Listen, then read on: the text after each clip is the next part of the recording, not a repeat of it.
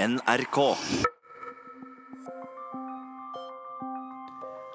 Tenk deg at etter 25 års ekteskap så står du plutselig midt oppi ei skilsmisse. Og dessuten har du en elskerinne. Og så tar du noen nakenbilder av deg sjøl med mobilen og sender dem til elskerinna. Men bildene havner hos den drøyeste sladreavisa i hele landet, som truer med å publisere dem. Alt dette skjedde nylig verdens rikeste mann. Kanskje ble han redd, men han ble også skikkelig sinna. Og i motsetning til deg og meg, så hadde han alle muligheter til å ta opp kampen. Krig og fred med Tove Bjørgaas og Tore Moland.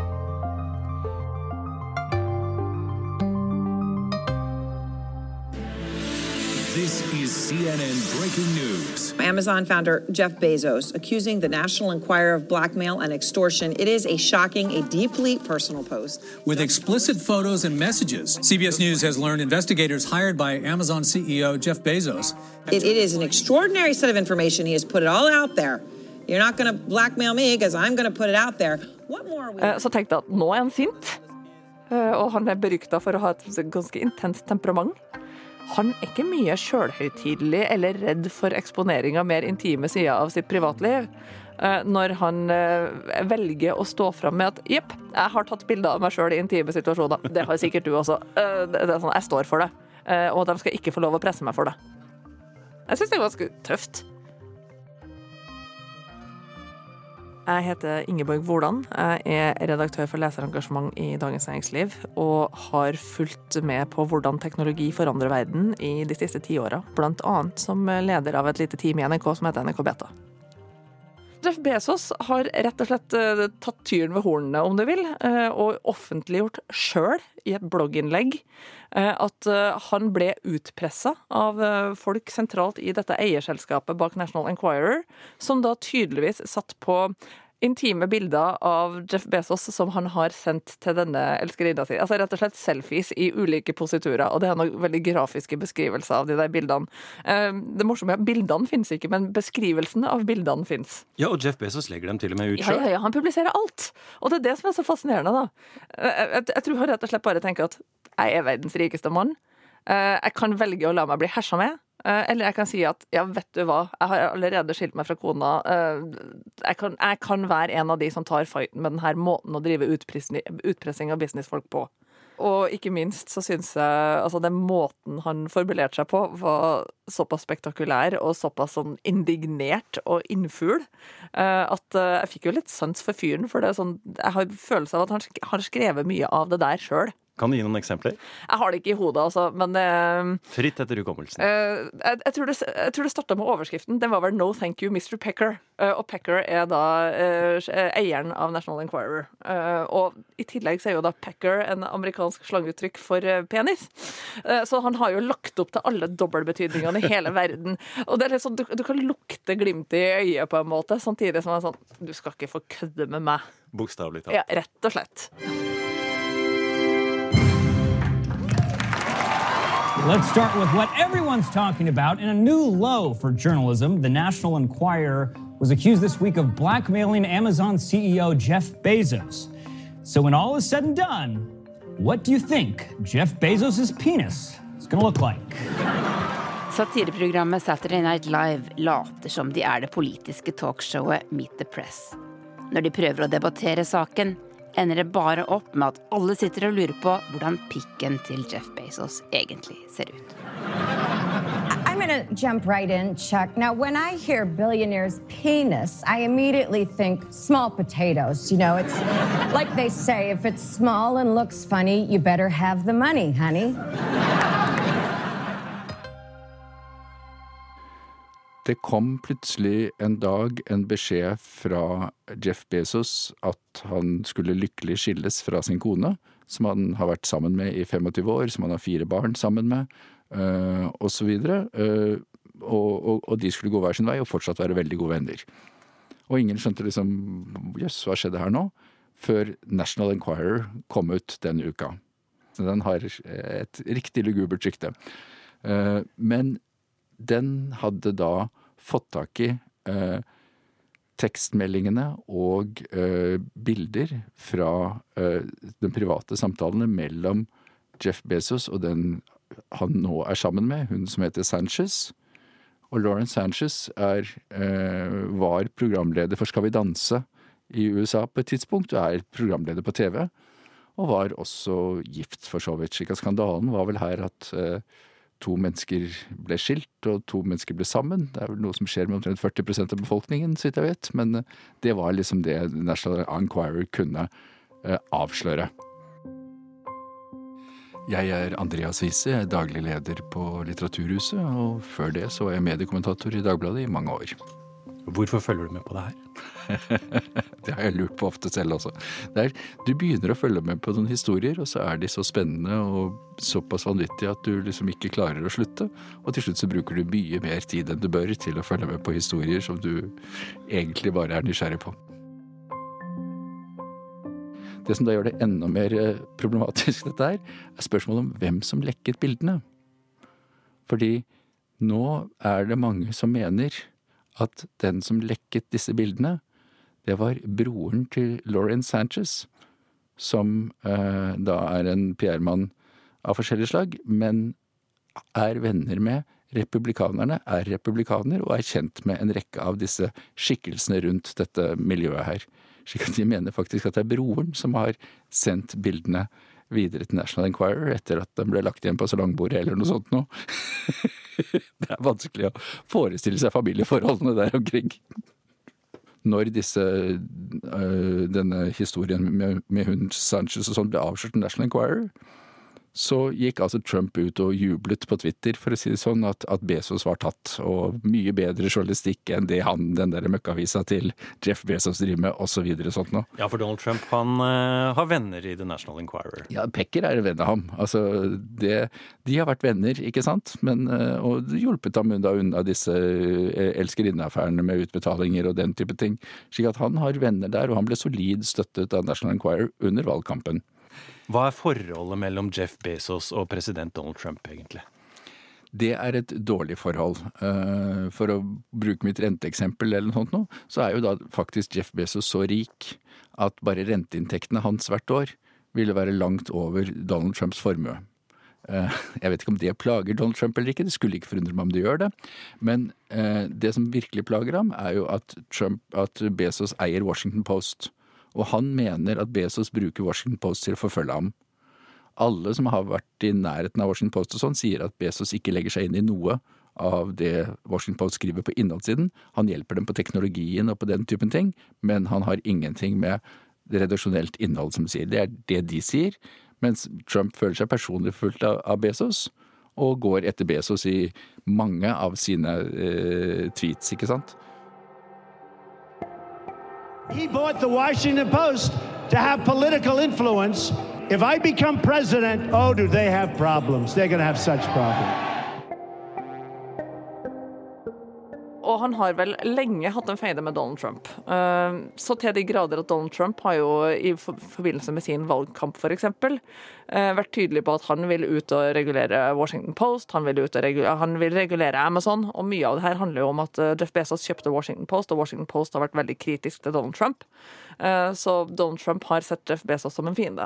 Og Jeff Bezos har ikke gjort noe for å mildne det inntrykket. Han er så mektig at han rett og slett helt glatt kan legge seg ut med presidenten i USA, da. Ja, og sånn fra utsida i hvert fall, så kan du også få et inntrykk av at og han tar ikke en karamell for å minne deg på det heller. Eh, for han har hatt noen sånne utsagn om at eh, hva ekte milliardærer eh, vet og kan og litt sånne ting. Og det faller ikke helt i god jord hos denne presidenten. Så han har slengt litt med leppa innimellom også. Han får av og til litt som fortjent.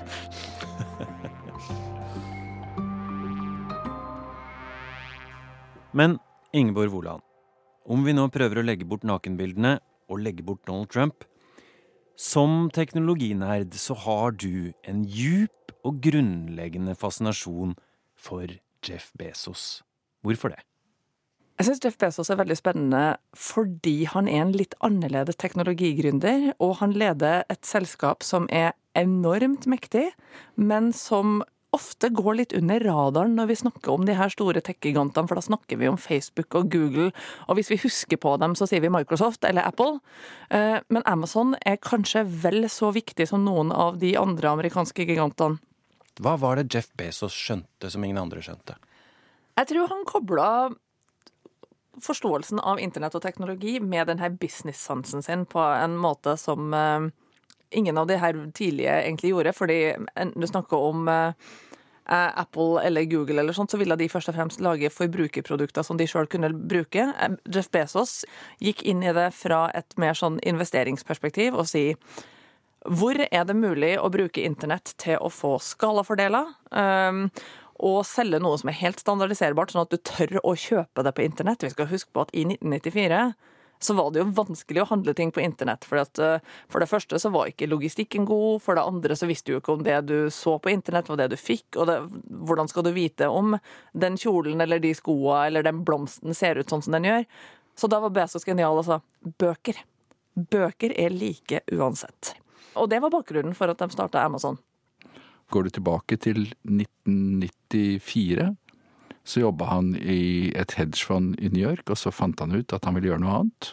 Og slik myten går, jeg er aldri sikker på om det er PR-byrået eller om det er uh, sannheten dette her, så satte han og kona seg inn i en bil og kjørte over USA mens hun kjørte, og han skrev forretningsplanen i passasjersetet, før de kom frem til Seattle, hvor de selvsagt startet opp Amazon i en garasje.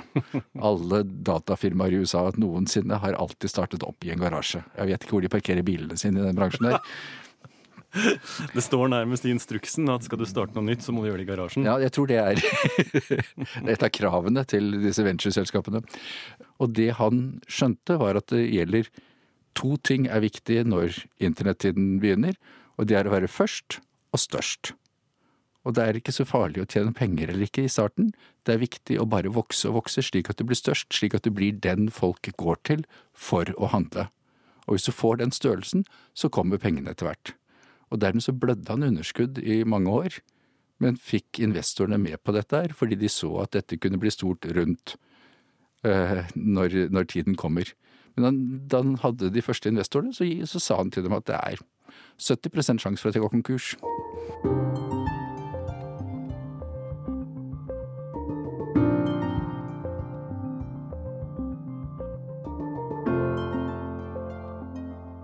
Tove, du kom nylig hjem etter tolv år i USA. Hva ble ditt forhold til Amazon i løpet av den tida? Jeg ble helt avhengig av Amazon. Det var en, på en måte en totalleverandør i mitt liv. Jeg brukte Amazon til å kjøpe det aller meste av det jeg trengte, også til å kjøpe mat etter hvert. Jeg brukte Amazon Prime til å se på TV, strømme TV-serier og filmer. Jeg leste Washington Post, som Jeff Bezos eier, og hvis du er såkalt prime-kunde hos Amazon, så får du et gratis abonnement, nettabonnement på Washington Post. Og til slutt så åpnet også Jeff Bezos bokhandler, Amazon, fysiske bokhandler. Eh, som jeg gikk i, da. Eh, fordi han hadde fått lagt ned de gamle bokhandlene. fordi Amazon hadde overtatt alt boksalget. Men eh, på slutten da kunne du gå og ta deg en kaffe i Amazons egne bokhandler og handle med mobilen din. For der fins det ikke noe kassaapparat.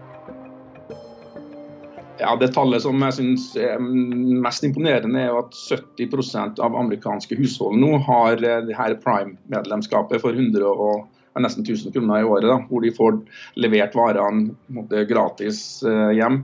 Det er 70 det er flere enn de som stemte forrige valg eh, i USA. altså. Så det er, påvirker både konsumenter og det påvirker også bedrifter som prøver å konkurrere mot eh, Amazon. Are Tråsdal Jeg er teknologi, uh, teknologigründer i uh, USA. Jeg har vært der borte i 20 år og bygd uh, flere selskap i, innenfor teknologi her. Og Hva gjør du nå? Nå bygger jeg et nytt teknologiselskap. Nå er jeg langt oppe i Blue, Blue, Ridge Mountains i, i North Carolina. Så vi har noen møter her oppe senere i dag. Er Jeff Bezos et forbilde?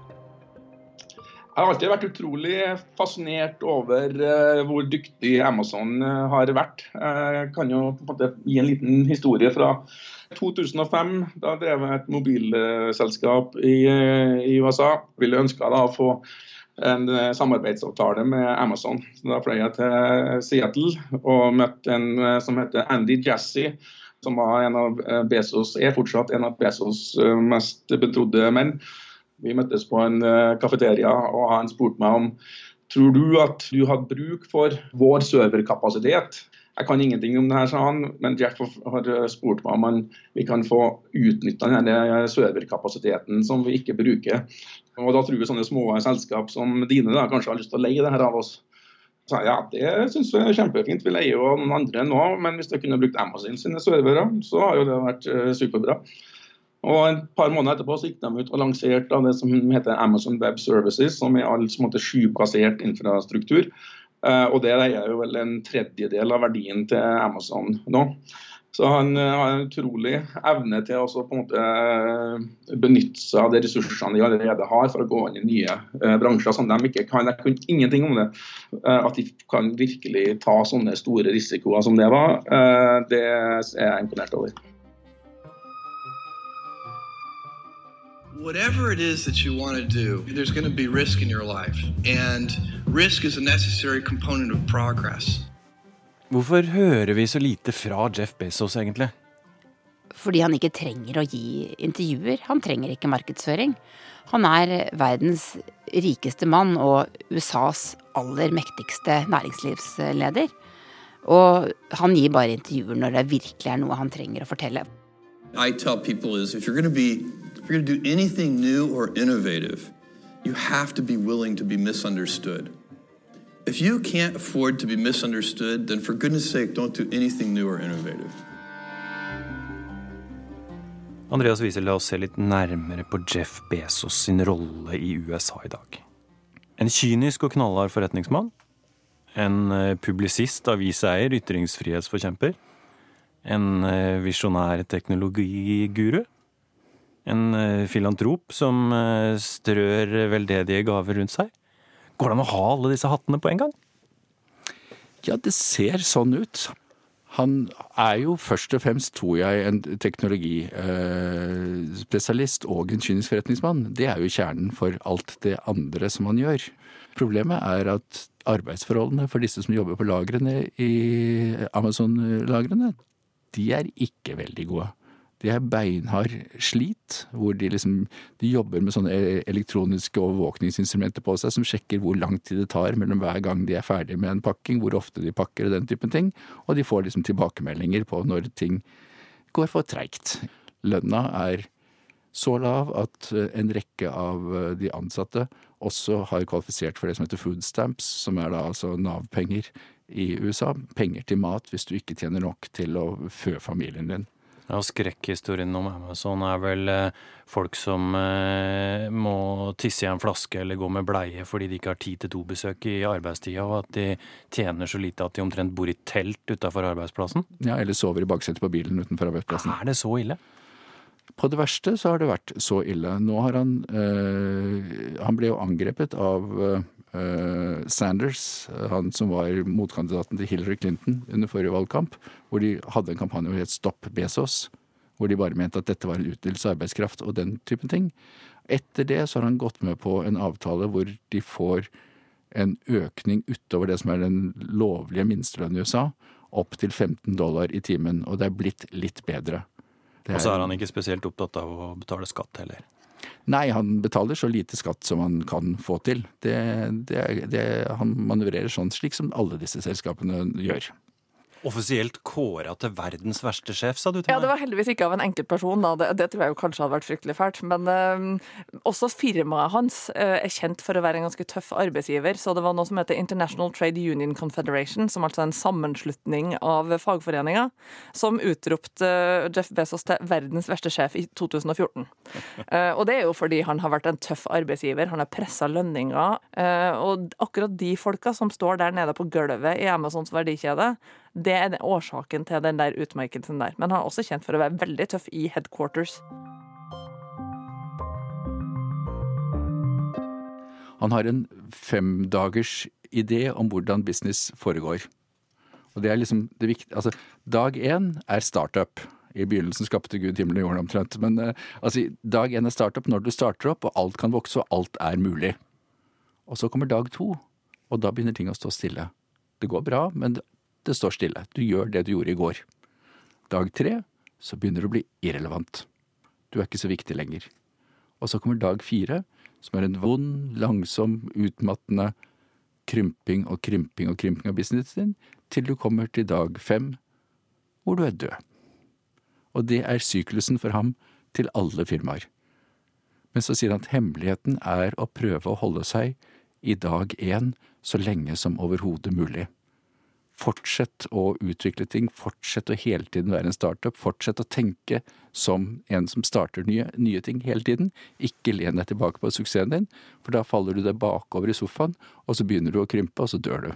Er det en slags businessmodellens svar på jakten på ungdomskilden, da, eller? ja, det er noe sånt noe hvordan How to stay forever young.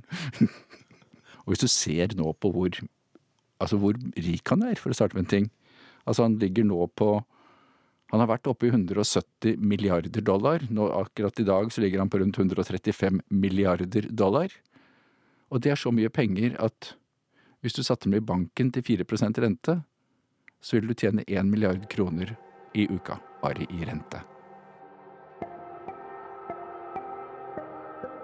Hva handler denne historien om, sånn djupest sett, for deg?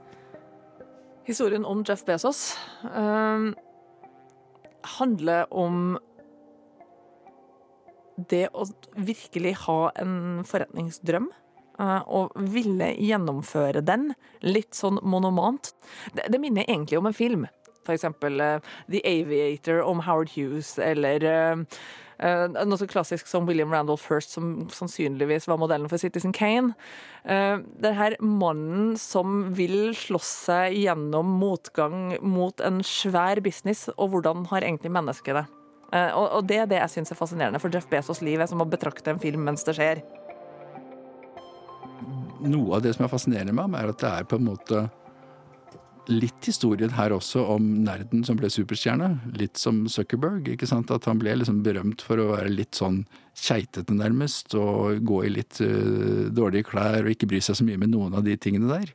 Og så har han liksom de siste årene fått seg privat trener og begynt å trene og bygd opp musklene. Og begynt å kjøpe skreddersydde dresser. Og går ikke inn i så veldig mange krangler. men noe av dette her med ham er liksom at hvis han først skal være inne i noe, så er han der for å vinne. Han er ekstremt konkurranseorientert og ekstremt lite redd for risiko. Er det det samme som gjør at han da sier ok, greit, dere har disse nakenbildene av meg, kjør på, la oss ta den Akkurat. fighten? Det er nettopp den samme formen for eh, ikke sant, Vent litt nå, hva er, hva er denne situasjonen? La oss analysere den. De sitter med disse bildene. Hvordan kan jeg komme ut av den situasjonen? Jo, jeg snur, jeg tar det først. Jeg anklager dem for dette, istedenfor at de avslører meg. Det er en mye bedre situasjon han er blitt eh, På ene siden så er han en kapitalistisk milliardær som folk ikke nødvendigvis skal like, og på andre siden så får han all sympatien i denne saken her, fordi han jo så tydelig på en måte blir forfulgt av National Enquirer og den type ting. Men samtidig, bare fordi du er milliardær, betyr ikke at du ikke blir forfulgt.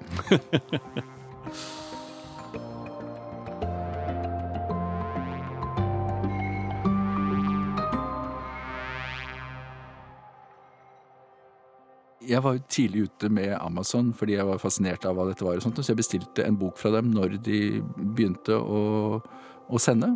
Og, og inn kom en bok, og det var jo fint, og alt fungerte kjempebra. Sånt. Men så til jul så fikk jeg et lite brev fra Jeff Bezos og en musematte med liksom, som det selvsagt sto Amazon på og sånn, og takk for handelen og god jul og alt mulig sånt, som han da tydeligvis sendte ut til alle nye kunder. Og poenget er som jeg har tenkt mye på, at hvis jeg hadde takket tilbake for dette her ved å investere 1000 dollars i Amazon-aksjer, altså 7000 kroner, eh, den gangen, så hadde jeg sittet på 3 millioner kroner nå. Og det gjør jeg definitivt ikke. Men jeg har en musematte. Og det er vel i grunnen forskjellen på meg og Jeff Bezos, tror jeg.